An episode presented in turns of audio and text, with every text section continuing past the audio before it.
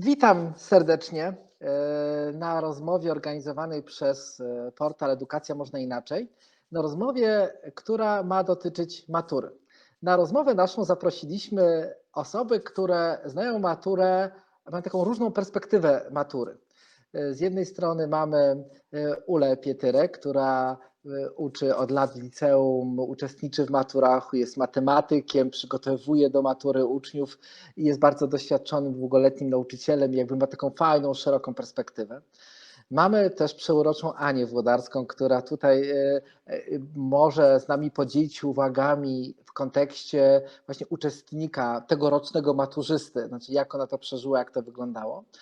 Mamy e, Krzysztofa Lewenstama, który jest jest nauczycielem języka polskiego, e, młodym, sympatycznym, prężnym, może z krót, mniejszą ilością doświadczeń, ale z olbrzymim pewnie bagażem doświadczeń i inspiracji, który by się podzielił swoimi doświadczeniami. I Przemysława Kozielca, który e, jest dyrektorem liceum, jest organizatorem matur, czuwa nad ich przebiegiem. I w ten sposób mam wrażenie, że zgromadziliśmy osoby, które w jakiś sposób e, odpowiadają albo znają w takich różnych kontekstach to, to co to, to, co, to, co powszechnie nazywamy maturą. Tytuł tego naszego spotkania to matura jaka jest, jaka mogłaby być. E, ja pozwalam sobie zadać pewne pytania naszym rozmówcom. Oni poszczególni będą się ustosunkowywali do tych pytań i wypowiadali się na ten temat. Oczywiście też zapraszam naszych rozmówców, jeżeli chcieliby pociągnąć inne wątki, które Wam przyjdą w tym czasie do głowy, też serdecznie do tego zapraszam. E, to może zacznę od tego, co może najłatwiej przywołać, to znaczy do tego, od tego, jak przebiegały przygotowania do matury i matura w tym roku. Jak to oceniasz, Przemku? Zacznę od Ciebie, dobrze? W kontekście tego, co się działo w szkołach, jak to wyglądało. Przede wszystkim e, Przebiegało to inaczej niż zwykle z powodu pandemii, która wszystkich dotknęła. E, I myślę, że towarzyszyła tak naprawdę duża niepewność e, i maturzystom, i, i zespołom szkolnym, e, które no, na dobrą sprawę my nie wiedzieliśmy cały czas, czy już, czy nie. W związku z tym powołaliśmy komisję, potem już mogliśmy ją odwołać, no bo termin minął.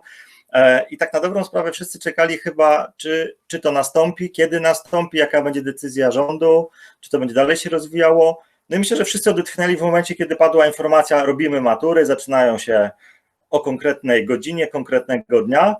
E, no i znowu powstało pytanie, no dobrze, ale to teraz ile osób nam wejdzie na salę, tak? Czy oni się w ogóle zmieszczą? Co z maseczkami? Czy będą musieli pisać? Uczniowie i rodzice się pytali, no ale mój, mój syn nie da rady siedzieć trzy godziny w maseczce i pisać, przecież on w ogóle nie będzie się w stanie skupić. No i jakby zderzyliśmy się trochę z taką sytuacją, że nikt nigdy nie pisał matury w maseczce. Tak? Nikt nigdy nie pisał pod takim rygorem, który e, tak naprawdę zupełnie zmienia sytuację, bo oprócz no, normalnego stresu e, wynikającego jednak z egzaminu takiego e, dojrzałości, kończącego duży etap edukacyjny, nagle musimy działać w sytuacji, w której chyba nikt w ogóle nigdy nie pisał sprawdzianów w maseczkach, tak? ani w przyłbicach, pod rygorem dezynfekcji rąk i tak dalej.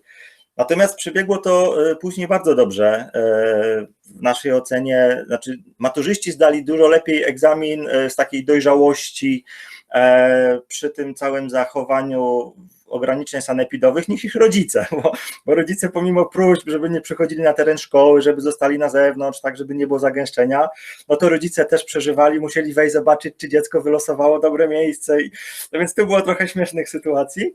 E, natomiast e, same przygotowania, e, tak naprawdę poza tym, że były dwukrotnie i wydarzyły się w takich niecodziennych sytuacjach, to moim zdaniem naprawdę świetnie wszystko przebiegało. Pomijając ilość płynów dezynfekujących, które dostaliśmy, bo dostaliśmy i z gminy, i potem ze straży, wcześniej sami kupiliśmy, ale wcześniej nie było takich informacji, że one dojdą do nas, no więc każdy się zabezpieczał. No i jakby wszystkie dezynfekcje, te procedury jakby dodatkowo dochodziły, ale to nie jest coś, co w jakiś sposób wpłynęło moim zdaniem już później, tak? No, oczywiście pierwsze wejście to było, tak? Dezynfekcja rąk, rękawiczki, wszystko wydawanie w maseczkach i tak dalej. Natomiast później już to było tak automatyczne i też spokojne, że zeszło też powietrze, myślę. Dziękuję. A Krzysztofie, co ty sądzisz? Zgadzam się z Przemkiem, że było inaczej, na pewno. to porównałbym do takich przygotowań sportowych. To znaczy, jeżeli mamy ustalone zawody, do których się przygotowujemy i te przygotowania nie trwają, to jest tak jak Igrzyska Olimpijskie. Jeżeli te przygotowania trwają kilka lat i mamy ustaloną datę zawodów i forma jest ustawiona na konkretne zawody, na konkretny dzień, bardzo często, to trudno jest nagle się przestawić i powiedzieć, no zawodniczki, zawodnicy, to jeszcze parę tygodni, posiedźcie sobie w domu, my już się co prawda nie będziemy widzieć, trener jedzie na wakacje, y, ma innych zawodników młodszych, oni tu jeszcze będą trenować, mają za rok te zawody, u nich akurat prawdopodobnie się to odbędzie normalnie, a wy tam się uczcie. Y, no i tu jest problem właśnie, że trzeba było tak zorganizować nauczanie, żeby tę formę podtrzymać. Czyli e, u mnie w szkole akurat my jesteśmy szkołą społeczną i mamy, jesteśmy dość dobrze zinformatyzowani i byliśmy w stanie przejść z nauczania stacjonarnego do zdalnego w każdej chwili, dlatego że mamy komputery, mamy przeszkoloną kadrę, mm, więc to się po prostu odbyło dość naturalnie, chociaż nie bezstresowo. To był bardzo duży stres y, i dla nauczycieli, i dla uczniów. Przy czym dla uczniów wynikający z ogólnej sytuacji pandemicznej, a dla nauczycieli mm, ze względu na to, że nagle trzeba było na przykład zacząć prowadzić lekcje.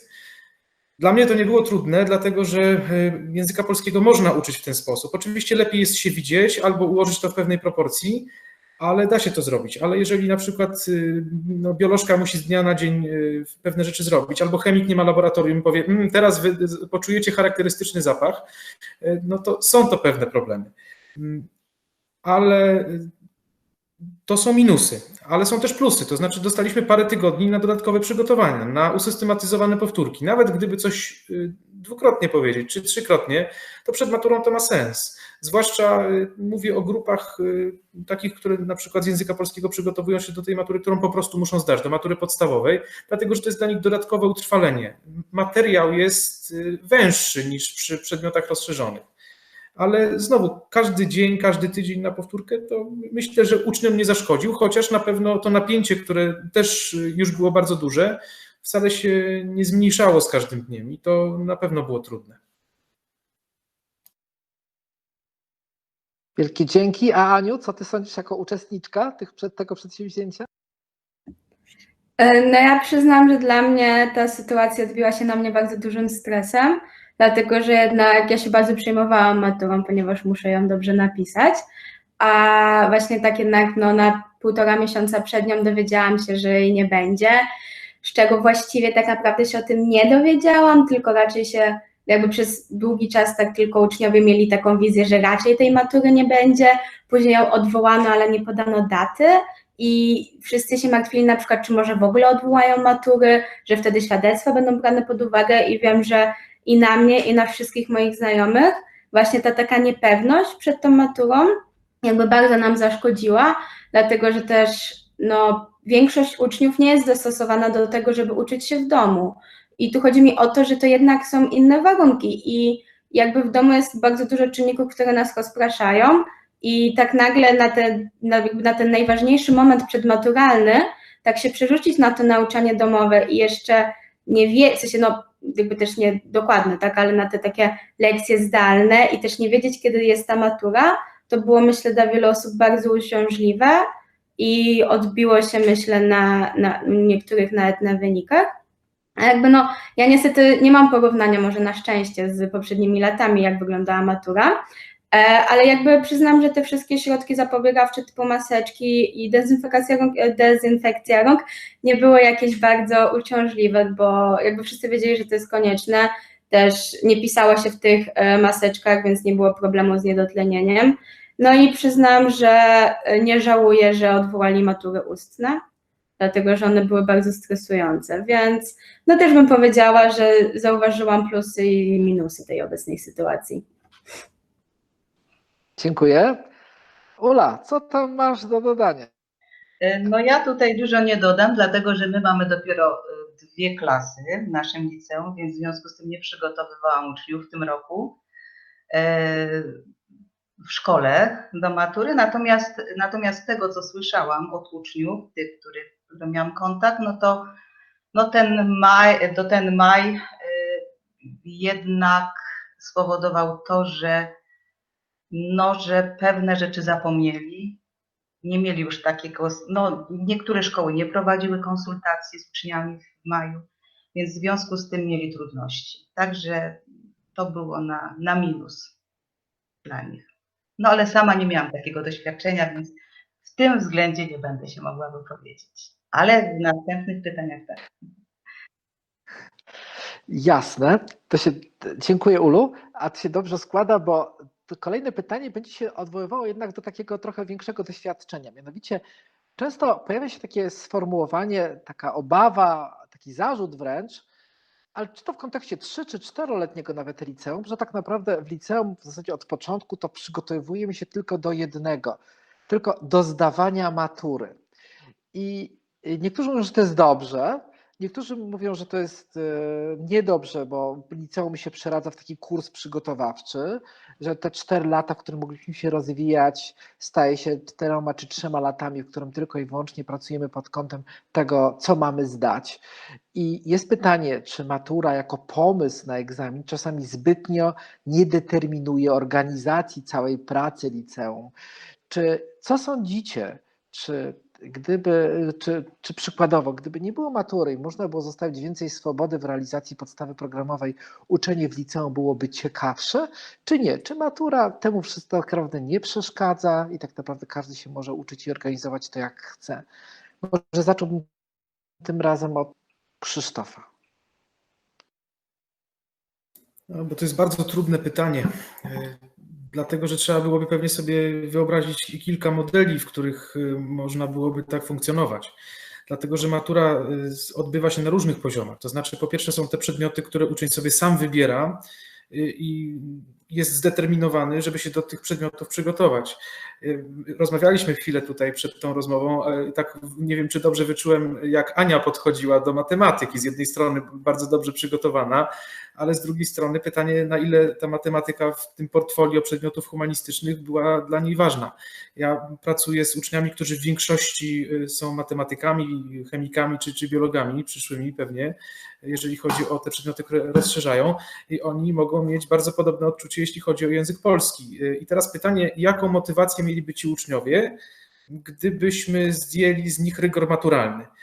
I troszkę mm, mogliśmy to obserwować. Mam nadzieję, że, że Ula powie dwa słowa na ten temat, ale był taki okres, kiedy matematyka nie była przedmiotem obowiązkowym i y, różne badania pokazywały, że to nie jest najlepiej. Mm, więc y, mieliśmy taką próbkę takiego zdjęcia rygoru maturalnego z niektórych przedmiotów. Y, pytanie, jak byśmy do tego podeszli. Ale oczywiście to jest jedna strona medalu. Można byłoby sobie też wyobrazić taką sytuację, że są jakieś inne formy egzaminowania, być może właśnie pośrednie. Może tych etapów być więcej. Możemy po roku egzaminować, po dwóch latach, po dwóch i po trzech, po dwóch i po czterech. Jakoś się zastanowić, jakby to zorganizować. Oczywiście e, pierwsza pokusa jest taka, wow, nie będzie matury, będziemy mogli uczyć jak chcemy. Uczniowie mówią, o, nie będziemy myśleć o maturze, to będziemy się uczyć tego, czego będziemy chcemy. No to tak nie będzie, bo ani nauczyciele nie będą w stanie wymusić na uczniach uczenia się ogromnej porcji rzeczy, które wymyślą, chociaż to się wiąże z dużą radością, ani uczniowie niekoniecznie odpowiedzą entuzjazmem na to, co nauczyciele zaproponują. To znaczy, myślę, że w tych ramach, które mamy, na pewno można, mówię o swoim przedmiocie, o języku polskim i o, o przedmiotach, które obserwuję z bliska, czyli o społecznych, o, o przyrodniczych, można znaleźć e, dużo e, przestrzeni na to, żeby pewne treści realizować. I e, myślę, że to jest do zrobienia. Czy likwidacja matury nie byłaby krokiem za daleko? Być może warto byłoby robić jakieś drobne próbki, albo w pojedynczych szkołach, albo w pojedynczych klasach, w jakichś eksperymentach edukacyjnych i najpierw zobaczyć, jak, jak to wygląda, chociaż sam eksperyment jest bardzo ciekawy. Jest to no, taka, taka wizja dość mocno kusząca. Mogę ja? Wielkie ja? dzięki. To, to, no to teraz Mogę? No to tak, od tak, razu tak, Krzysiu mnie wywołał. No więc tak, e, no każdy etap e, życia człowieka jest zakończony jakimś egzaminem, nie? I tak mi się wydaje, że tutaj e, też ten etap y, pracy ucznia no, powinien być zakończony egzaminem. Jest to takie motywujące. Natomiast jeżeli chodzi o to, czy mamy taką przestrzeń, żeby jeszcze popracować więcej z uczniami, no to tak, jak uczyłam w czteroletnim liceum, no to trochę było łatwiej. Potem ten trzyletni cykl spowodował to, że no musieliśmy więcej pracować, przy, przygotowywać bardziej do tej matury i jeszcze jak się trafiło na szkołę, a ja w takiej pracowałam, gdzie bardzo ważne były słupki. A ten ma takie, a ten w tym, w tym roku ma taką średnią na maturze, a ten ma taką średnią, a ten ma ta, to ciągłe porównywanie, no to w zasadzie rzeczywiście e, praca polegała na tym, żeby tylko przygotować tego ucznia do matury, nie? Natomiast teraz też pracuję w trzyletnim liceum, ale że w innej szkole, w innym typie szkoły, to mam tą przestrzeń na to, żeby realizować nie tylko zakres materiału potrzebny do matury. Więc wszystko zależy od tego, w jakim układzie współrzędnych człowiek się znajduje, prawda? No i, i wtedy, ale, ale uważam, że matura powinna być, powinna być. Dziękuję bardzo. Dzięki, dzięki, wielkie dzięki. To teraz co, Przemku, na to? Ty? Czyli ja tak, e, jestem, jestem marzycielem. Ja, ja bym chciał, żeby matura rzeczywiście pokazywała, e, na ile ten człowiek, który był 3 lata, czy teraz 4 lata w liceum, na ile on zrealizował swój pomysł na siebie, na ile on e, odkrył, co chce robić w życiu i e, żeby na maturze można było zobaczyć, e, jak było na wejściu, jak jest na wyjściu. E, I żeby to nie było przygotowywanie pod słupki, pod maturę, e, pod to, że od tego jest coś dalej uzależnione. Nie, ja bym chciał, żeby to było tak, e, że on przychodzi do szkoły, mówi: Ja w ogóle nie wiem, co ja chcę robić. W trakcie szkoły próbuje różnych rzeczy, odkrywa, że chce iść na medycynę i robi rewelacyjny po prostu postęp. I matura sprawdza, czy on jest przygotowany na medycynę, bo on chce iść na medycynę. I on nie musi uczyć się z biologii botaniki, i wiedzieć, co to są okryto nago i wszystko nasienne i tak dalej. Tylko on ma być dobrym lekarzem i on się musi do tego przygotować. I żeby matura była dostosowana mocno do tego człowieka indywidualnie, żeby ona nie służyła do tego, żebyśmy mogli porównać 30 uczniów w klasie, jak oni opanowali dane przedmioty. E, może o tych przedmiotach i o procentach w ogóle to jeszcze potem będzie okazja, żeby powiedzieć, bo, bo dla mnie e, to jest w ogóle e, żenujące, jaki jest poziom na maturze, tak? Ale to, to potem. Więc, ale dla mnie matura jest świętem tych ludzi, którzy do niej podchodzą. To jest po prostu ich, taki, ja to wręcz czuję mistyczny moment, kiedy oni po prostu skończyli szkołę, przychodzą do szkoły na maturę, nauczyciele, którzy do tej pory ich uczyli, pytali i tak dalej, podchodzą zupełnie do nich inaczej. Nie wiem, czy macie takie doświadczenie, ale jeżeli przychodzą maturzyści, to to już są zupełnie inni ludzie, którzy byli dwa tygodnie wcześniej, jak odbierali świadectwo. Oni zupełnie z innej pozycji przychodzą nas do szkoły. I to jest rewelacja. Natomiast co do formy i do rankingowania, ja mam bardzo dużo zastrzeżeń.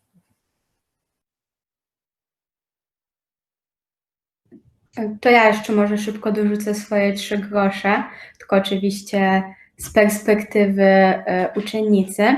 No to ja jednak przyznam, że Aczkolwiek no, uważam, że jakby taka forma maturalna jest słuszna, dlatego że ona jednak mobilizuje uczniów do nauki, to mimo wszystko zauważyłam na przykładzie bardzo wielu moich znajomych, że mieli ten problem, że matura wywoływała u nich bardzo zaniżoną samoocenę, dlatego że prawda była taka, że jak pytało się w marcu na przykład, bo wtedy jeszcze była szkoła, jakby różnych ludzi o to, jak oni się czują, no to większość mówiła, że, że jest bardzo zestresowana, że jest źle, że mają zaniżoną samoocenę i jakby im zastanawiam się, na ile ten stres, jakby, który matura wywołuje, może być jakby niezdrowy, ale też, no ale też jednak ona jakby determinuje to, że jednak uczniowie się uczą i tylko jednak problem też jest taki, że niektóre przedmioty są bardzo nauczane pod tę maturę, zwłaszcza, że matura jest zazwyczaj dosyć schematyczna i jakby prawda jest taka, że jeśli chce się napisać dobrze, to w wielu przypadkach trzeba napisać dużo próbnych matur, żeby znać ten schemat, wiedzieć jakich zadań się spodziewać. No i to wtedy jednak determinuje w jakiś sposób, zwłaszcza pod koniec trzeciej klasy, tę naukę tak stricte pod maturę. Też ja się pierwszą część mojej edukacji odebrałam za granicą, dlatego że wchowałam się w Belgii i, e, byłam tam całą podstawówkę i my tam nie mieliśmy testu szóstoklasisty. Każda szkoła e, sama sama decydowała o swoich egzaminach końcowych I przyznam, e, no to też było jednak 6 lat temu, ale nie przypominam sobie, by był ten problem z dem, jakby, miałam wrażenie, że jednak uczniowie się uczyli w jakiś sposób i że to nie było tak, że fakt, że nie było tego testu szóstoklasisty i że rekrutacja na, e, do gimnazjum wyglądała inaczej, że to też nie było de, e, demobilizujące, przepraszam. Więc też zastanawiam się, że jakby właśnie wprowadzanie jakichś takich testów i patrzenie na ile ta matura w obecnej formie albo w ogóle jest skuteczna, też byłoby bardzo istotne tak w kontekście jednak rozwijania tej edukacji. Bardzo, bardzo Wam dziękuję. A powiedzcie mi, z jednej strony wszyscy jakby opowiadacie się, taki jest taki głos trochę, który mówi z taką dosyć dużą euforią na temat y, matury, że ona jest, fajnie, że jest. A, a z drugiej strony, ja mam takie pytanie. No generalnie to też jest trochę tak, że to jest egzamin, który w jedne trzy dni, nazwijmy to, stara się być sprawdzianem i, i determinuje trochę naszą drogę na, na, na, na, na jakieś późniejsze lata. I są, a przecież na świecie nie istnieje tylko jeden model, że to jest jeden czy dwa egzaminy, idziemy dalej, tylko są modele, które mogłyby być, że punkty, egzaminy są zdawane albo, albo, albo zaliczane w ciągu całego tego okresu czterech lat. Czy, czy sądzicie, że ten model, który jest teraz, tego jednego egzaminu na koniec szkoły maturalnej, dla dodatek, który przeprowadza szkoła, a nie uczelnia, która przyjmuje, czy to jest rzeczywiście optymalne? Czy nie ma żadnego pomysłu, powodu czy sugestii z Waszej strony, żeby jednak spróbować albo umożliwić na jakąś zmianę? To może byśmy zaczęli tym razem od Przemka. Co Przemek o tym sądzi? Znaczy, to jest jakby dla mnie zupełnie drugi temat, egzaminy na studia, bo, bo w tym momencie ja sobie myślę, że jeżeli ja bym przyjmował kogoś do siebie na studia, ja bym chciał go poznać. Nie chciałbym dostać od niego informacji tylko gdzieś tam daleko, jak on się tak naprawdę nauczył, bo matura w tym momencie to jest informacja, na ile procent e, dany uczeń, który chce być teraz u mnie studentem, opanował materiał, który był do opanowania przez 3 lata. Natomiast nic mi nie mówi, e, jaki jest poziom inteligencji tego człowieka, jaka jest jego motywacja do tego, żeby studiować i być e, później kimś, kim się stanie kończąc studia. E, nie mówi w ogóle nic e, o, o, tym, co on robił przez ten czas, właśnie jak rozwijał swoje zainteresowania. No bo jeżeli ktoś chce iść na mechatronikę, czy, czy chce być informatykiem, czy on coś programował, czy nie programował, no mówimy, na ile opanował materiał. A tak naprawdę o tym to mówią oceny na koniec roku. Tylko jest trochę taki. Ja, ja widzę w systemie pewną taką, pewny brak zaufania do nauczycieli, bo nauczyciel, który ocenia co roku ucznia, no to my po trzech latach e, liceum, mamy średnią ocen z końca każdego, z każdej klasy i wiemy, jakie ten uczeń osiągał wyniki. E, więc dlaczego w tym momencie jakby nie ufamy nauczycielom i chcemy jeszcze raz sprawdzić właśnie w takim rankingu, który jest sprawdzany na zewnątrz, a w ogóle w komisji są nauczyciele, którzy są w innych szkołach i tak dalej. Znaczy co, co, że nauczyciel jakby gra w innej drużynie niż wszyscy?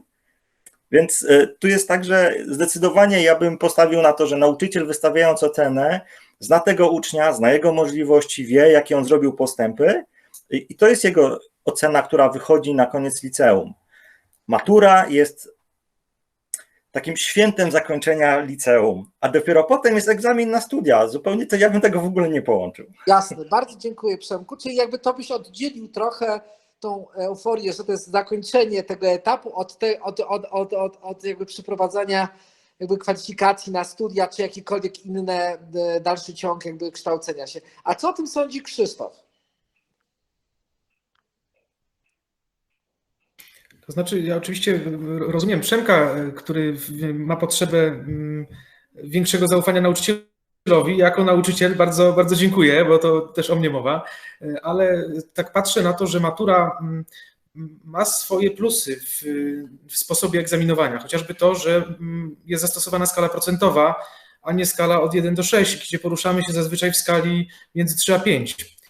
Y, bo, bo, ta, bo taka jest pewna prawidłowość i to pewnie najczęściej będą czwórki y, i trudno będzie rozstrzygnąć, kto jest lepiej przygotowany, a kto jest gorzej przygotowany, kiedy nie będziemy mogli zróżnicować ludzi.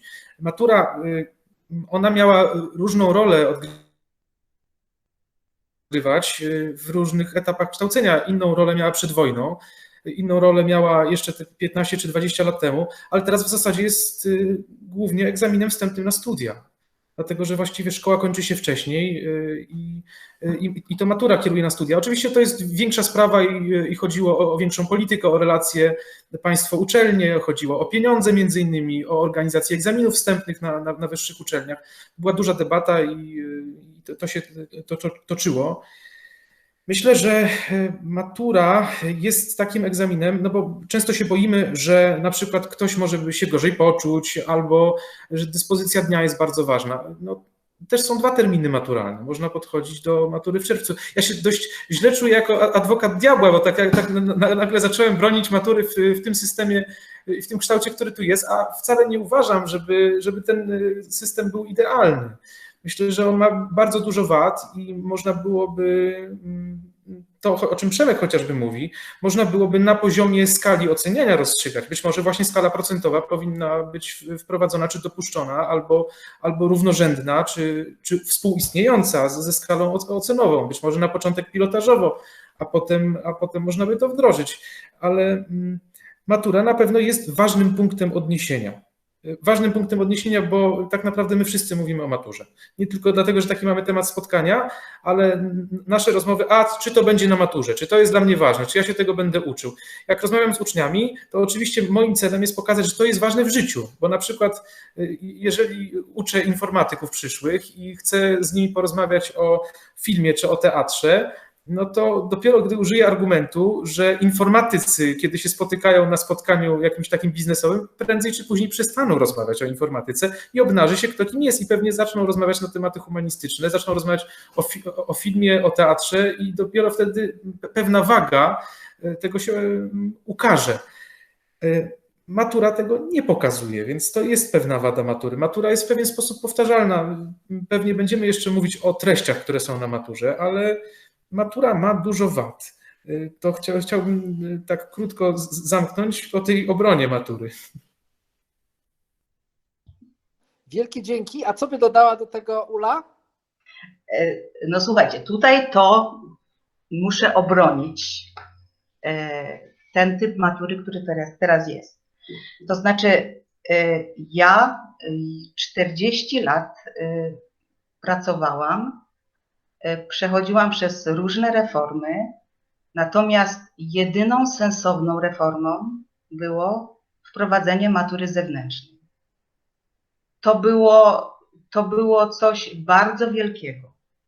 Nagle okazało się, że systemowo można zrobić coś, co może być uczciwe.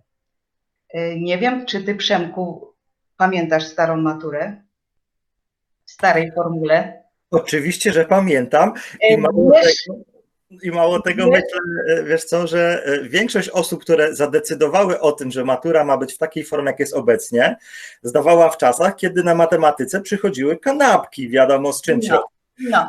I dlatego, I dlatego nagle, nagle, słuchajcie, systemowo można było coś zrobić, że ja mogę wyjść teraz z sali, uczniowie nie odpisują, bo oni wiedzą, że na maturze nie będą odpisywać. I i, i oceniają ludzie z zewnątrz, nie sugerując się tym, jaki ten uczeń jest. Czy ja go lubiłem, czy go nie lubiłem w szkole, prawda? Ja Wam powiem, że y, ta matura była wprowadzana bardzo powoli. Myśmy testowali wiele rzeczy i na przykład w szkole przed wprowadzeniem matury zewnętrznej robiliśmy y, kodowanie matur w szkole i nauczyciele potem y, zakodowane matury poprawiali. Wiele osób było bardzo zdziwionych. Na przykład taka koleżanka y, była oburzona, że uczeń, jej najlepszy uczeń dostał dostateczną ocenę, a przecież on był rewelacyjny. I potem sprawdziliśmy, ona go sprawdzała. Ale nie wiedziała, że jego, ona go sprawdza. Więc e, słuchajcie, to się stała niewiarygodna zmiana. Ta matura zewnętrzna i ona pewnie ma wady, ale w stosunku do tego, co było, no to, to, to jest po prostu wielkie osiągnięcie. Największe w tej chwili, mi się wydaje, osiągnięcie w całym tym zakresie tych wszystkich reform, które się odbywały. w szkole. Ale można oczywiście wszystko poprawiać, nie? Można i, i jeszcze wprowadzać pewne, pewne zmiany, które powinny się dokonać, żeby to było wszystko idealnie. No to tyle. A co Ania? Bardzo dziękuję. No i Aniu. No to ja przyznam, że ja oczywiście nie mam żadnego doświadczenia maturalnego, no bo to była pierwsza i liczę na to, że jedyna matura, jaką pisałam. E, też, e, no więc jakby wypowiadam się jakby tylko z perspektywy tego jednego razu jej pisania. Ja przyznam, że osobiście, oczywiście rozumiem to i wierzę w to, że to jest zapewne najlepsza matura, jaka e, dotychczas, dotychczas była. Jednak e, ja przyznam, jestem, e, nie jestem wielką fanką matury w obecnym kształcie, dlatego że uważam, że ona jednak te trzy dni, czy tam pięć dni pisania matur determinują jakby mimo wszystko przynajmniej rok mojego życia, bo mogę ją powtórzyć oczywiście, ale jednak są jakby, że o całym, całej mojej pracy, którą wykonałam przez trzy lata i przez tak naprawdę 19 lat życia, jakby to się sprowadza do trzech dni i w te trzy dni mogłam, mogło mi po prostu nie iść i jednak uważam, że na tej maturze wisi za dużo i że ta matura też nie jest skonstruowana często w sposób bardzo, mm, bardzo sprawiedliwy, bo często jest wybiórcza po prostu. No i nie twierdzę, że może być inna, tylko że, że to jednak jest, jest wada, którą w jakiś sposób widzę i odczuwam i em, no jakby i to mnie, to mnie też denerwuje, że jednak na przykład, bo też ja nie pisałam każdej matury i mogę powiedzmy się wypowiedzieć o maturze z WOS-u, która, e, którą pisałam, że ona jest konstruowana w taki sposób, że, no, że dużo zależy od szczęścia i od tego, które tematy są mi bliższe akurat i które akurat się trafiły na tej maturze i że, i że to w jakiś sposób uważam, że jest czasem może być niesprawiedliwe i nie pokazywać faktycznie tego, co ja potrafię, tylko jakąś część wiedzy, którą, no jakąś po prostu wybiórczą część wiedzy, więc też, e, też uważam, że właśnie obecnej maturze przydałoby się jednak, jednak e, zmienienie jeszcze poprawienie, ponieważ tak jak wierzę właśnie w samą instytucję, powiedzmy maturę, tak, tak jednak uważam, że obecna forma też ma dużo wad, które, które jednak bardzo utrudniają i, i bardzo stresują. No tak, tyle. Okej, jeszcze coś? Bar bardzo dziękuję. A mogę dodać coś? Oczywiście, oczywiście. Bo, bo wiesz, zawarłeś w tym pytaniu tutaj jeszcze y, y, pytanie dotyczące egzaminów wstępnych, prawda? Bo myśmy tylko nad maturą się skupili. Tutaj jeszcze w odpowiedzi do Ani, ja, ja mówię o y, formie zewnętrznej matury. Natomiast jeżeli chodzi o konstrukcję testów, y, to mam wielkie wątpliwości i jeżeli chodzi o matematykę, y, to uważam, że matura podstawowa powinna być o wiele prostsza niż jest, żeby e, uczeń dostateczny mógł z marszu rozwiązać tą maturę. Absolutnie to, co teraz jest na maturze, że w poziomie podstawowym uczniowie mają dowody twierdzeń, gdzie to już wymaga wielkich umiejętności i logicznego myślenia i umiejętności matematycznych, to jest bez sensu. I na przykład y, ja bym widziała, że taka forma y, by była dobra, jak, jak jest chyba w maturze międzynarodowej, trzystopniowa, że jest bardzo prosta matura ta na poziomie podstawowym, bardzo prosta, taka, że przeciętny uczeń, czy chłopak, który chodzi do jakiegoś typu szkoły zawodowej, też może ją zdać. Natomiast druga to jest taka jakby u nas poziom rozszerzony, a trzecia to taka bardzo, bardzo trudna. Jakby była no już taka dla wyczynowców. Ale ten pierwszy etap, ta, ten poziom podstawowy jest absolutnie za trudny dla przeciętnego ucznia.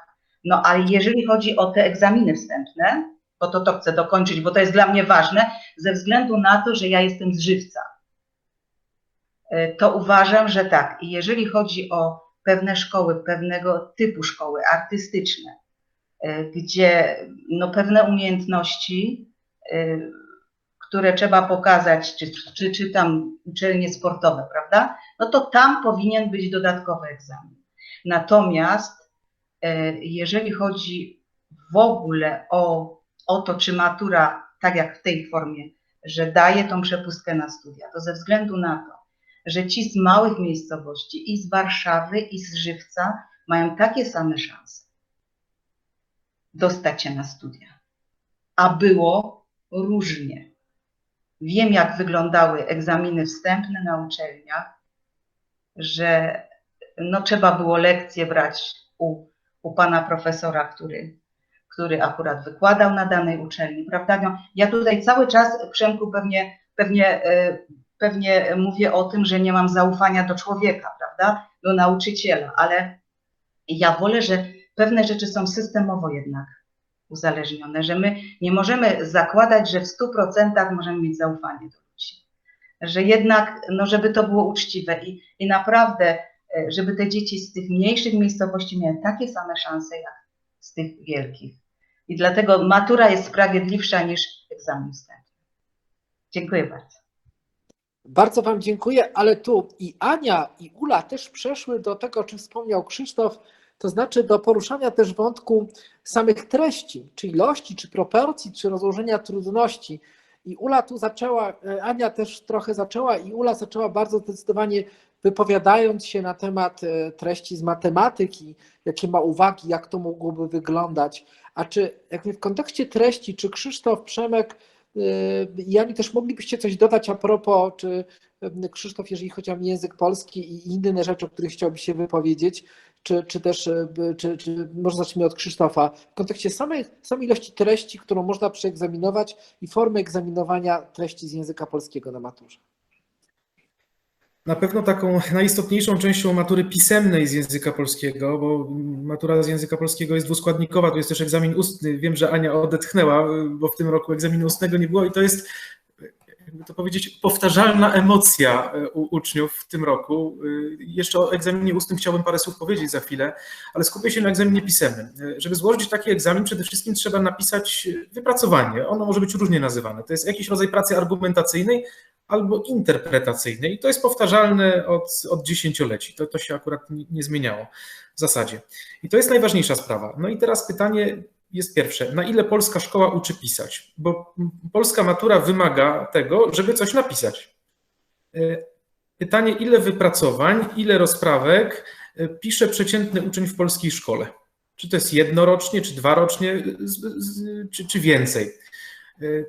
Czy, czy, takie liczby pozwalają przygotować się do matury tak uczciwie, tak, tak porządnie i przede wszystkim, czy potrafią kogoś nauczyć pisać? Czy potrafią sprawić, że ktoś będzie umiał coś napisać później? To jest pierwsza sprawa. Druga część, egzamin składa się też z arkusza, w którym są pytania testowe. I myślę, że to jest y, bardzo kwestionowalne, co w takim arkuszu się znajdzie. Jest pewna pula zagadnień w podstawie programowej. Ta podstawa programowa jest w tej chwili taka, jaka jest. I arkusz jest układany w powtarzalny sposób według wzoru, który został zaprezentowany x lat temu i te arkusze są do siebie bardzo, bardzo podobne. I tu się zgodzę z Anią, że jeżeli ktoś w tej części arkuszowej zwłaszcza wyćwiczy pewnego rodzaju zadania przez repetytoria, przez arkusze, przez pracę na lekcji, to jest w stanie taki arkusz bardzo przyzwoicie zdać. To są dwie siódme punktów z egzaminu pisemnego. I to są dwie rzeczy. I jeżeli chodzi o egzamin pisemny z języka polskiego, to uważam, że przede wszystkim polska szkoła powinna mieć więcej przestrzeni, żeby uczyć pisać. I być może nie tylko teksty argumentacyjne. Być może nie tylko też interpretacyjne, być może też teksty twórcze w jakimś powiązaniu. Problemem matury z języka polskiego jest to, że odchodząca już podstawa programowa ma dość wąską grupę lektur, mówię o poziomie podstawowym przede wszystkim, które są obowiązkowe, tak na twardo obowiązkowe, jak mawiają moi uczniowie, to znaczy to są tak zwane lektury z gwiazdką. Ich tam jest raptem kilka i choćby formalnie jest tam na liście Bogu rodzica, czy jest Ferdydurkę, ale te teksty nie pojawiają się w arkuszach w zasadzie. Pojawiają się cztery lektury, może pięć lektur. Jest Pan Tadeusz, są dziady, jest wesele, jest lalka, więc wokół tych lektur konstruowane są tematy wypracowań. To w pewnym momencie staje się dość nudne i przewidywalne. Tak jakby na świecie nie było więcej tematów, nad którymi można by się było zastanowić. Jakby poza pracą, ojczyzną i wolnością nie było innych tematów, nad którymi by się było warto zastanowić. Oczywiście to są tematy być może najważniejsze w naszym życiu. jeżeli dołożymy jeszcze do tego rodzinę, y, miłość i, szczęście i parę jeszcze innych, ale nie ma ich dużo i być może właśnie nowa podstawa programowa, poszerzona, chociaż ona znowu ma swoje wady, szeroko komentowane, poszerzy ten katalog tematów. Być może będzie można się w jakiś sposób y, wypowiedzieć. Ja myślę, że o podstawie jeszcze powiemy. I teraz króciutko tylko powiem dwa słowa o egzaminie ustnym. Y, Ja akurat y, uważam, że to jest jeden z bardziej życiowych egzaminów, chociaż oczywiście jest trudny, jest trochę kostyczny, ale pozwala uczniowi skonfrontować się z żywym człowiekiem. To dla bardzo wielu osób jest bardzo duży stres nie znam prawie maturzystów, którzy by się bardzo nie stresowali w związku z egzaminem ustnym z języka polskiego. Oczywiście jest giełda tematów, jest kalkulator maturalny, na którym tematy z danego roku można sobie w zasadzie przejrzeć bardzo szybko, bo uczniowie je wynoszą, więc w tej części powiedzmy system nie jest specjalnie szczelny. Ma to też tę wadę, że przynajmniej w części oceniają to nauczyciele z danej szkoły, więc on nie jest tak silnie zobiektywizowany jak egzamin pisemny, o, o którym jeszcze przed chwilą mówiliśmy, o którym Ula chociażby mówiła w tej części matematycznej ale to jest egzamin trudny. To jest egzamin trudny na bardzo wielu poziomach i myślę, że on jest wartościowy, dlatego że w życiu kontakt człowieka z człowiekiem jest czymś, co pozwala nam w ogóle w zupełnie inny sposób zafunkcjonować. Napisanie arkusza, czy napisanie nawet wypracowania w powtarzalnej formie to jest jedno, ale kontakt z drugim człowiekiem i odpowiedzenie na pytania, skonstruowanie wypowiedzi w 15 minut, to to jest, myślę, wartościowa sprawa. Wielkie dzięki. A znaczy, ja tylko chciałem dodać jedną rzecz do tego, co powiedział Krzysztof i to, co powiedziała Ania, że kiedyś uczestniczyłem w dyskusji, w której pojawiły się takie wątki, że my sprawdzamy pisanie i tak dalej, a z drugiej strony bardzo często w życiu jednak jesteśmy oceniani albo musimy się wykazać w kontekście prac czy różnych miejsc pewnego typu erudycją, sztuką argumentowania, zachowania się w sytuacji nowej, w obecności innych osób i właśnie niwelowanie tego stresu, zgodzę się z Krzysztofem i za nią, ale jednak takiego, który nam czasami bardziej, częściej towarzyszy niż samo pisanie, czy nie jest bardziej naturalnym i niezbędnym przy okazji egzaminu, którego nazywamy egzamin, jednak egzaminem dojrzałości, do czego jeszcze wątku wrócimy. Okej, okay, a Przemku, co ty sądzisz jeszcze a propos tych treści, czy masz jakieś uwagi? Ja tylko bym jeszcze się chciał odnieść do tego ustnego egzaminu, bo dla mnie to jest właśnie kwintesencja dojrzałości i matury takiego, tak, gdzie, gdzie, uczeń staje przed tym swoim dotychczasowym profesorem, mentorem i dokładnie wchodzą w taką reakcję, już relację jeden do jednego. Ja wiem, że jest oceniany i tak dalej, ale to, ten stres to też pokazuje, czy ja jestem przygotowany do wyjścia w świat, gdzie z tym stresem będę się musiał spotykać. Ja nie mówię, że stres jest dobry i że trzeba i, i tak dalej, ale jest to pewna forma sprawdzenia tej dojrzałości i zbudowania wypowiedzi. Znowu mi się nie podoba to, że tam jest sekundnik, ile czasu na wypowiedź, przerywamy i tak dalej. Przynajmniej tak w języku angielskim jest, nie? W językach obcych w ogóle, że tam jest to bardzo poszatkowane, że często ci uczniowie, którzy bardzo dobrze są językowo, są stresowani tym, że ktoś trzyma stoper w ręku. I to już dla mnie nie jest fajne, a, a prowadzi, prowadzi do standaryzacji, która z kolei jest potrzebna do tego, żeby wszyscy się dostali na studia, o czym Ula mówiłaś, nie? I to jest, i to jest ta dobra strona, tak, że wszyscy są porównywalni w miarę. Dla mnie z treścią jest taki problem. Jeżeli my stawiamy naszym absolwentom próg 30%, to ja myślę, że jest coś nie tak. Znaczy, że my ich nie traktujemy poważnie, bo albo mówimy, słuchaj, uczyłeś się 12 lat i żeby zdać, musisz osiągnąć 75%, albo mówimy z tych 12 lat tylko 1 trzecia jest istotna i 30% ci wystarczy, czyli mogłeś się uczyć 4 niecałe, nie? I, I tu sobie myślę, że coś jest jakby z tym dopasowaniem treści, że albo my za dużo wymagamy na tych maturach, e, tak jak Ula mówiłaś, i dlatego obniżamy próg, żeby jednak była zdawalność, e, albo cały ten proces edukacji jest na tyle, że tak powiem, skomplikowany jeszcze, e, że my nie przygotowujemy przez te 12 lat na 100% tych ludzi. Bo wymagamy od nich naprawdę 30%. Więc to jest dla mnie też taki temat, bo jedna z polonistek, które bardzo szanuję, powiedziała mi tak, żeby przygotować kogoś do matury, potrzebuje dwóch tygodni. Żeby go zainteresować literaturą, no to te trzy lata są fajne, tak? Tylko to musi kogoś interesować. I to są dwie różne rzeczy. Jeżeli są takie dwie różne prędkości, to znaczy, że to jest źle. A czy ja jeszcze mogłabym coś dodać do tego tematu? Koniecznie. Dziękuję. A propos właśnie um, tego, jak ja reaguję na fakt, że odwołano matury ustne, bo ja oczywiście jestem szczęśliwa z perspektywy ucznia, dlatego że jednak dwa egzaminy mniej to zawsze dwa egzaminy mniej.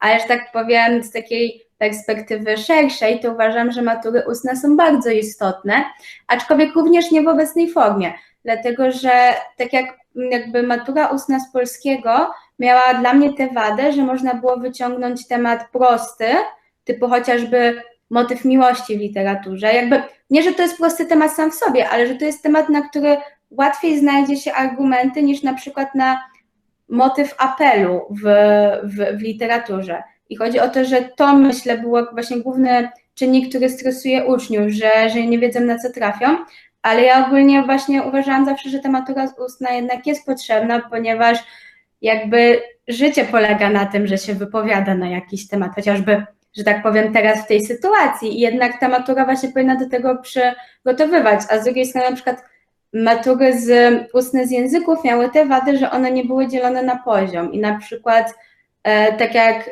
powiedzmy, ja miałam w tym roku zdawać ustną z francuskiego, dlatego że to był mój podstawowy język, a jednak francuski nie jest dla mnie jakimś językiem, który jest dla mnie bardzo prosty. I pamiętam, że na próbnej trafiłam na zdjęcia ludzi, e, którzy mieli e, jakieś upośledzenia motoryczne. I chodzi o to, że dla mnie wypowiedzenie się o inwalidztwie w, po francusku, no jednak było bardzo trudne. I jednak dlatego uważam, że, że matury ustne są ważne, bo one sprawdzają bardzo ważne i bardzo istotne w życiu kompetencje, ale jednak sprawdzają je w jakiś taki sposób trochę nieadekwatny, bym powiedziała. A co do matur y, pisemnych, to, to właśnie też miałam ten problem na przykład, że powiedzmy matura z WOS-u, którą pisałam i której wcześniej wspomniałam, że ona też na przykład miała te wady, że osobiście uważam, że ona jest całkiem dobrze skonstruowana, dlatego że ona ma dużo pytań takich do tekstu i że trzeba się odwołać do tekstu i do wiedzy własnej, a nie tylko pytanie, jaki jest próg wyborczy czy cokolwiek, e, tylko że ona wymaga odpowiedzenia na 30 zadań, które są rozmieszczone na 21 stronach i napisania wypracowania na 4-5 stron i to wszystko w 3 godziny. No ja przyznam, że to jest strasznie trudne, no i że wszyscy się ledwo w tym czasie mieszczą. Więc jednak ja uważam, że ta struktura matury, jakby właśnie samej jakby konstrukcję należałoby jednak dosyć zmienić, albo przynajmniej poprawić. E, Bardzo dziękuję Ci, Aniu. E, Ja myślę, że tu jest ten problem mieć ciasteczko i zjeść ciasteczko, znaczy jak zmieścić w jakiejś formule to, co z założenia czasami jest jakby niezmieszczalne w takiej formule. E, Ale e, ja chciałbym jeszcze zadać Wam takie pytanie, bo tu się przewijają takie wątki też dojrzałości.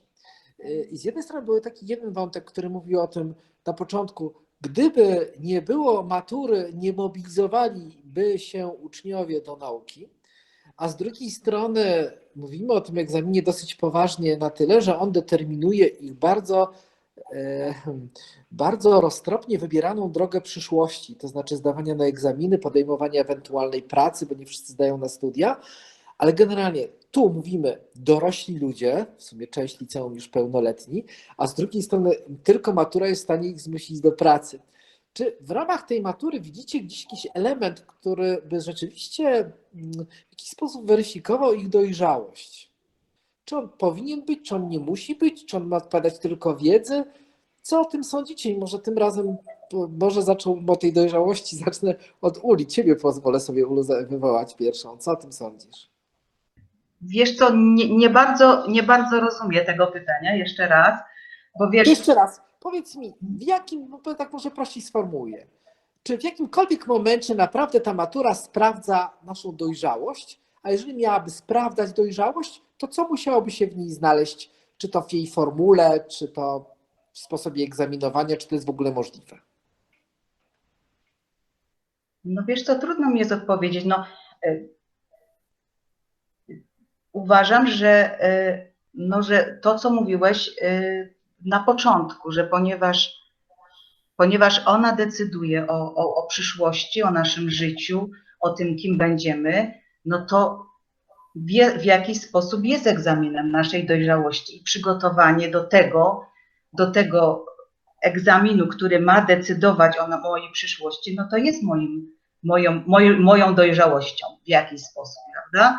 Że ja dojrzale, dojrzale myślę o tym, że, że to, co ja zrobię do tej matury, będzie, y, będzie skutkowało potem w tym, kim będę, nie? No to to jest jakiś sposób dojrzałość człowieka. Jasne. Czyli nie tak. y, Czyli generalnie uważasz, że istnienie matury nie ma takiego charakteru tylko i wyłącznie bata, tylko że istnienie jej powoduje, że w dojrzalszy sposób wiem, że to jest mój bardzo poważny egzamin i w związku z tym dojrzewam, przygotowując się do niego w jakiejś mierze. Dobrze to zrozumiałem. Zawsze uważałam, że sam akt egzaminu nie jest tak istotny, jak to, że ja się przygotowywuję w jakiś sposób do tego. Nie mówię przez te trzy lata, tak jak mówimy, że calusieńki czas, tylko mówimy o tych, o tych algorytmizacji pewnych, y, pewnych procesów, że, że ja się tylko do tego testu takiego przygotowuję. Nie, ale, ale w jaki sposób jest to taki, to, to samo przygotowanie, to samo jest dla mnie już taką jakąś kwestią dojrzałości człowieka. Y, Wielkie dzięki. A co o tym sądzi Przemek? Ja bym bardzo chciał, żeby matura sprawdzała e, dojrzałość człowieka, rozumianą jako e, jego umiejętność argumentacji swoich poglądów, e, żeby sprawdzała, czy ten człowiek ma poglądy e, w ogóle jakieś, e, żeby sprawdzała jego wrażliwość na innych, e, czy e, wychowujemy tylko maturzystów, którzy walczą o słupek, czy potrafią sobie pomagać e, w jakiś sposób. To oczywiście jest tak, że y, niekoniecznie dla mnie ona musi sprawdzać czysto, y, czy zostały przysłane wszystkie lektury e, i czy ktoś potrafi e, całkować i tak dalej, czego potem pewnie przez całe życie drugi raz nie zrobi, chyba że będzie pewnie konstruował jakiś licznik elektryczny, ale generalnie, żeby ona, żeby rzeczywiście zmuszała do mobilizacji i do uczenia się rzeczy, które będą potrzebne w życiu, a nie będą potrzebne, żeby zdać maturę, dla samego zdania matury. E, I myślę, że tak można by było tą maturę skonstruować. E, Chociażby dając do wyboru na języku polskim 10 tematów do wyboru. Już dokonanie samo wyboru jednego z tematów to już pokazuje, czy ktoś potrafił wybrać, no bo jeżeli ma tak duży wybór, to rzeczywiście może potem oceniając tą pracę, tak można sobie zobaczyć, czy on wybrał bo i wiedział, co dalej napisać, czy wybrał, bo to było najłatwiejsze i tak nic nie umiał i 20 i 30 tematów też by mu nie pomogło, nie? Więc jakby dużo takich rzeczy jest, bo my ograniczamy w tej chwili do jednego tematu. Na matematyce, dlaczego uczeń nie może wybrać z 30 zadań trzech, które ma zrobić? No, przypuszczam, że gdyby to było jakoś skonstruowane przekrojowo, że 10 z tego działu, 10 z tego, 10 z innego sprawdzające, dałby sobie radę, e, miałby mniejszy stres, więcej wyboru i też by sobie poradził pewno. E, Także ja bardzo e, czuję, że matura to jest przygoda i potwierdzenie dojrzałości e, i powinna być potwierdzeniem dojrzałości e, też takiej postawy obywatelskiej i człowieka, który wychodzi i na przykład ma głosować, tak? I czy on, e, jak mówimy o WOSie, że on tam ma pisać jakieś tam ileś stron, no to czy on tak naprawdę wie, czym która partia się różni, co się dzieje i co się za tymi programami kryje? To jest dojrzałość, a nie umiejętność napisania trzech czy czterech stron. Dla mnie. Dziękuję, dziękuję Przemku. A ty co sądzisz, Aniu? No myślę, że też mnie jeszcze jak na razie trudno jest się wypowiadać o, o tym, czy, czy jestem dojrzała i czy w tym kontekście i czy matura to uczyniła. Ale przyznam, ja osobiście nigdy, nigdy jakoś nie patrzyłam szczególnie na tę maturę jako egzamin dojrzałości, tylko taką konieczność, w sensie, że ona jest i od tego nie ucieknę. I jakby, no więc jakby oczywiście myślę, że nie wiem, za rok i za 10 lat będę na to wszystko patrzeć też inaczej, ale że jak na razie to mm, jakby nie, nie czuję, żeby matura zmieniła we mnie coś, albo nawet proces przygotowywania się do matury w jakiś sposób jakby mnie, mnie zmienił, albo właśnie przygotował do, do powiedzmy właśnie do, do bycia, bycia, że tak powiem, człowiekiem w prawdziwym życiu i obywatelem i tego typu te rzeczy. Jakby do tego mam wrażenie bardziej mnie przygotowali mimo wszystko rodzice, jakby grupa rówieśnicza i, i jakby tego typu instytucje, niż, niż ta sama matura, no ale też no mówię, no jakby myślę, że ja mam na to wiele inny pogląd z, jakby z mojej perspektywy i, i pewnie zmienię swoje zdanie jakby w przeciągu, w przeciągu kilku lat. Yy, Dzięki Aniu. A ty Krzysztofie? No ja mam takie Pewne, mam pewne wątpliwości, znaczy znowu bardzo mi się podobają marzenia Przemka E, i oczywiście e, tak, muszę sobie tak, zrobię taką kolekcję marzeń Przemka i będę je sobie oglądał jeszcze dzisiaj pewnie przed snem i się zastanawiał na, na ten temat. E, Dwie rzeczy chciałem sprostować. Po pierwsze na maturze z języka polskiego nie jest jeden temat do wyboru, tylko zawsze są dwa. To jest tak. Oczywiście na maturze, na przykład na poziomie podstawowym, jest do wyboru rozprawka z lektury, której można się wyuczyć. Interpretacja poezji, której w polskiej szkole za bardzo się nie praktykuje w formie pisemnej, więc wybór dla ogromnej większości maturzystów jest oczywisty. Piszę rozprawkę i nie będę się zastanawiał. Na maturze na poziomie rozszerzonym też są dwa tematy do wyboru. Jest tekst argumentacyjny, jest interpretacja porównawcza. Nie wiem, co Ania pisała akurat, ale pewnie jeszcze nam powie. A druga sprawa, jeżeli chodzi. Mhm. Okej, to, to, to, to dość przyjemne pewnie, jak, jak, jeżeli się to już poćwiczy. E, I druga sprawa, jeżeli chodzi o zdawanie egzaminu ustnego, Przemek powiedział, że się zdaje przed swoim profesorem. No niestety, nie, nie przed swoim profesorem się zdaje. Można zdawać przed innym nauczycielem z tej samej szkoły, ale e, inna formuła jest tej matury. Ja tak zastanawiam się, co to znaczy być dojrzałym człowiekiem. I ja uczę też w szkole podstawowej, w, zwłaszcza w starszych klasach, i obserwuję uczniów, i oczywiście pewnie najpierw dziewczęta prędzej społecznie dojrzewają, potem chłopcy, oczywiście w masie, nie, nie jednostkowo, bo tego to raczej statystycznie obserwuję. I teraz decyzja ważna życiowa odbywa się na poziomie, w momencie w 14 roku życia. Najpierw to jest pierwsza ważna decyzja, to też jest dojrzałość. To jest współdecydowanie często z rodzicami. Czasem to rodzice decydują, chociaż wydaje się, że jednak uczniowie mają coś do powiedzenia.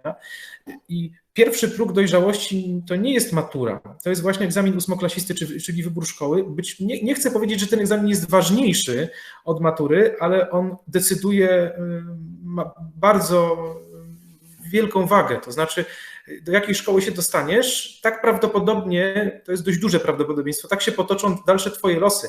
Tu jest pierwsza, pierwszy próg dojrzałości. Drugi próg dojrzałości to jest liceum, które wymaga nauki własnej, przede wszystkim umiejętności zorganizowania się. I tu widziałbym próg dojrzałości. To szkoła uczy dojrzałości, ale też dom uczy dojrzałości, ale może uczyć szkoła podstawowa, wcale niekoniecznie średnia. Znam bardzo wielu uczniów, którzy z bardzo wysokimi wynikami kończą szkołę podstawową, są małymi geniuszami, i mają, to są częściej chłopcy niż dziewczęta, ale za to są dziewczęta, które są niezwykle pracowite, jak mróweczki. I mija rok. I ci chłopcy, którzy często z góry patrzyli, oczywiście znowu upraszczam i robię taką segregację płciową na potrzeby przykładu, patrzyli na tę dziewczynę, a co, ile jej potrzebuje obliczenie wyniku.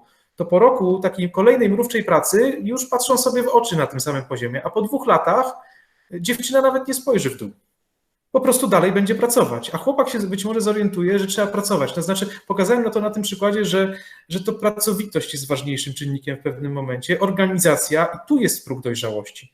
Pytanie, czy polska szkoła tego uczy?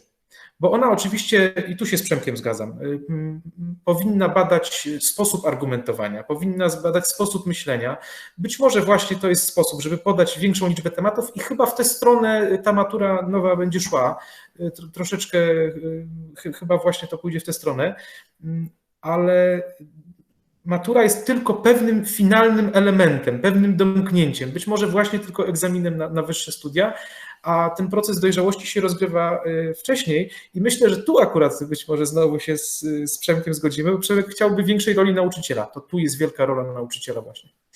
Pytanie, czy nauczyciel jest w stanie nauczyć ucznia w szkole pracowitości, czy jest w stanie go nauczyć systematyczności, czy narzędzie, z którego najczęściej korzysta, czyli ocena dostateczna bądź, bądź niedostateczna, jest w stanie ucznia nauczyć czegoś, nie zmotywować czasem tylko, nie pokazać mu miejsce w szeregu, ale nauczyć go czegoś, dać mu zupełnie inną wartość przeżywania życia, nie szkoły.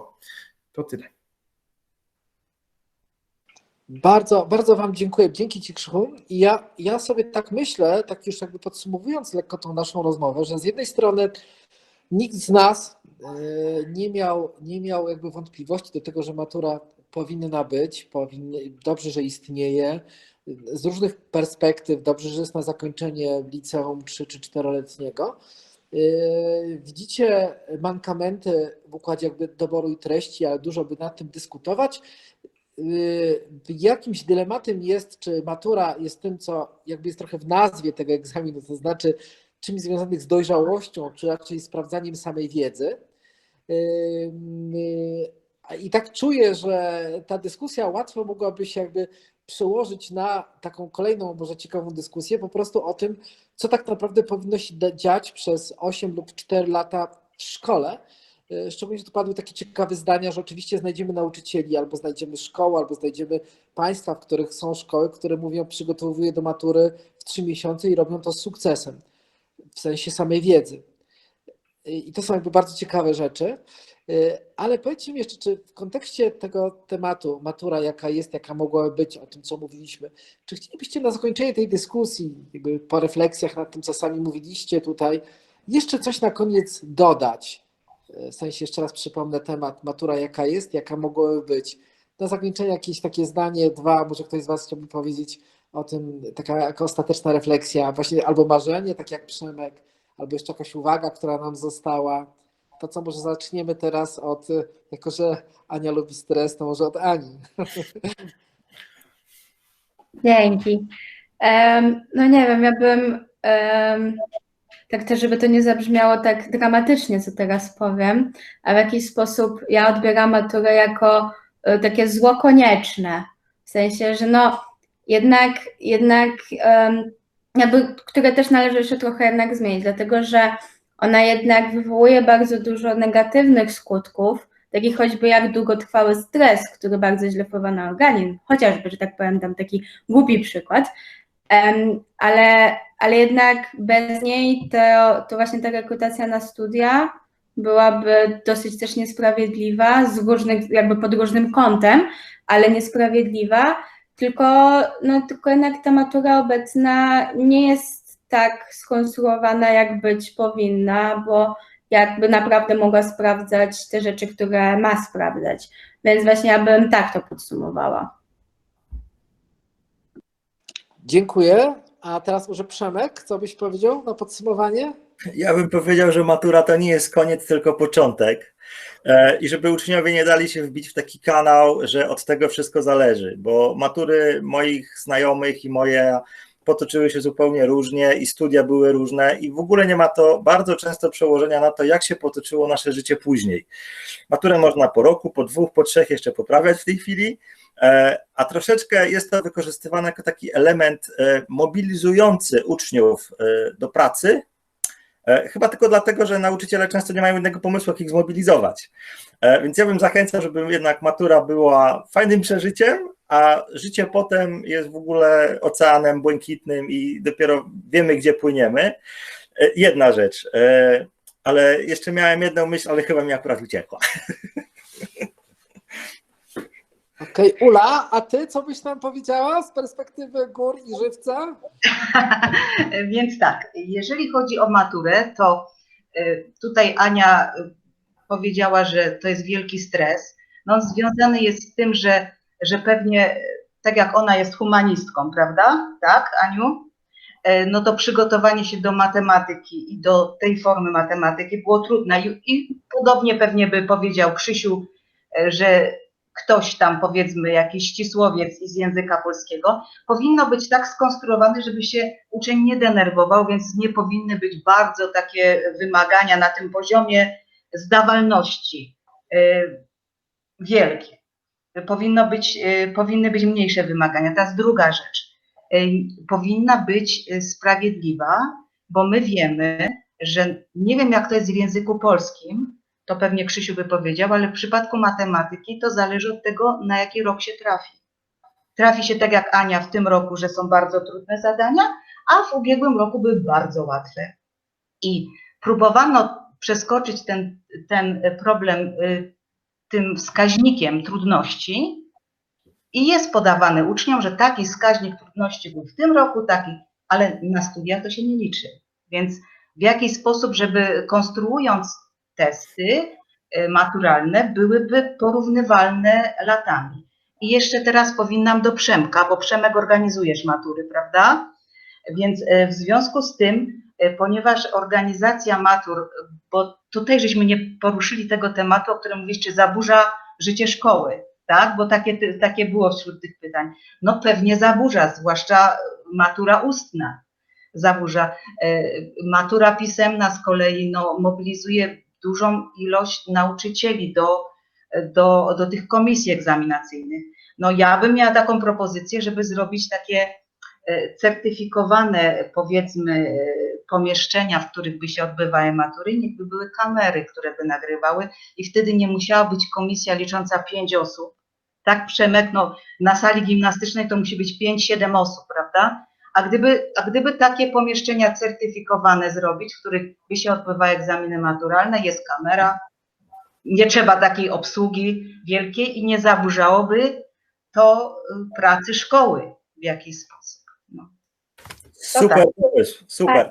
Czy ja bym tylko mogła dodać a propos e, tego, e, czego się stresowałam, że ja właśnie paradoksalnie maturą z matematyki się nie stresowałam, dlatego że radzę sobie, a właśnie stresowałam się najbardziej rozszerzonym polskim, bo mi na tym zależało. Jasne. Że tylko chciałam dodać. Jasne. E, To Przemek chciałby coś dodać, bo tak był trochę wywołany, czy już to wystarczy, co powiedziałeś wcześniej? Znaczy nie, ja uważam, to świetny pomysł, bo rzeczywiście dw- dwie osoby wystarczą do tego plus kamery i wtedy można sprawdzić i unieważnić temu, kto ściągał. Po prostu jest nagrane i tyle. Jasne. Dzięki. A co Krzysztof by tak na, na ostatnim zdaniem, ostatnim, ostatnim jakby by, paroma zdaniami podsumował tą dyskusję, swoje uwagi? Ja myślę, że powinniśmy zacząć rozmawiać e, o tym, jakiej chcemy matury, dlatego że tutaj e, różne punkty są widzenia, ale są pewne punkty zbieżne i zazwyczaj e, poziom konsultacji, konsultowania tego, co na tej maturze jest, jak ona wygląda, jest za mały po prostu. To są aspekty psychologiczne bardzo często. Rozmawialiśmy o 30% dzisiaj. Nie stawiamy takich ocen. Żadna z ocen, które mamy w skali, znowu jest rozmowa o skali ocen, jak oceniamy, jak, jak, jakie noty wystawiamy za pracę. Żadna z ocen poza niedostateczną nie ma w sobie zazwyczaj 30%. Jak na to patrzymy w ten, w ten sposób? Być może właśnie to jest to, o czym Ula mówiła, że, że, matematyka inaczej powinna być ustawiona. Być może polski też. My nie wiemy, mówię o polonistach, w szczegółach, jak będzie nasza matura wyglądać za trzy lata. Nie wiemy, czego uczymy uczniów, do czego ich przygotowujemy. Ja mam kolejne już takie doświadczenie. Przeżyłem pierwszy egzamin ósmoklasisty. Ja byłem też w ostatnim roczniku, który zdawał starą maturę i który obserwował nową maturę i egzamin ósmoklasisty zdawał i tak dalej, i tak dalej, więc sporo mam tych doświadczeń na, na, nagromadzonych. Tak do, dość eksperymentalny i jako uczeń jestem i jako nauczyciel, ale myślę, że, że rozmowa to jest pierwsze to. Myślę, że więcej głosu nauczycieli, więcej głosu tych, którzy organizują, którzy widzą tę maturę od środka, którzy mają pewną wizję i myślę, że pewne punkty wspólne się znajdą i usiądźmy, porozmawiajmy. Bardzo, bardzo Ci dziękuję, Krzychu, Krzysztofie. Ja myślę sobie, że żyjemy w takich czasach, kiedy ta te, takie to kółko zmian jest coraz szybsze, to znaczy, co nie oznacza, że czasy są niespokojne, ale spokojne, tylko po prostu tempo zmian jest tak duże, że jesteśmy trochę skazani na to, co Krzysztof mówił, to znaczy na, na rozmowę, która cały czas jakby podlega to ewaluacji i w miarę sprawnie i szybko wprowadzając wprowadzane zmiany, które mia, mają jakby spowodować, że będzie jakby to adekwatne do, tej, do tego jakby oczekiwanej dojrzałości, czy poziomu wiedzy, którą chcemy, czy informacji uzyskiwać od dzieci. Naszych uczniów, młodzieży, czy dorosłych ludzi już, prawda, w kontekście matury. Słuchajcie, bardzo Wam wszystkim dziękuję za tą rozmowę, za tą dyskusję. Mam nadzieję, że nie tylko dla naszej piątki, ale dla i słuchaczy, osób, które podłączyły się i słuchały tej dyskusji w ramach portalu Edukacja Można Inaczej, było to interesujące. Bardzo nam będzie miło, jeżeli po, w kontekście także tej rozmowy ktoś z Was będzie chciał słuchaczy szczególnie napisać jakieś komentarze czy uwagi, a także po, pomysły na dyskusje, które moglibyśmy jeszcze kolejny raz toczyć w tym albo innym przymiłym gronie. Jeszcze raz bardzo wszystkim dziękuję. Zapraszam na kolejne spotkanie i dyskusje, na nasze filmy, na portal, na, na, na, różne, różne rzeczy, które tam się, tam, tam się dzieją. Dziękujemy bardzo. Ja jako prowadzący Marcin Sawicki, jak i teraz myślę, że każdy może się włączyć, też podziękować, prawda? Ponieważ jestem najstarsza, dziękuję Wam bardzo. Bardzo mi było miło Was poznać i miło się z Wami rozmawiało. Dziękuję bardzo. Dziękuję bardzo i do zobaczenia. Dziękuję wszystkim. Do zobaczenia przy następnej okazji. I ja też bardzo wszystkim dziękuję. Dziękuję bardzo. Do zobaczenia.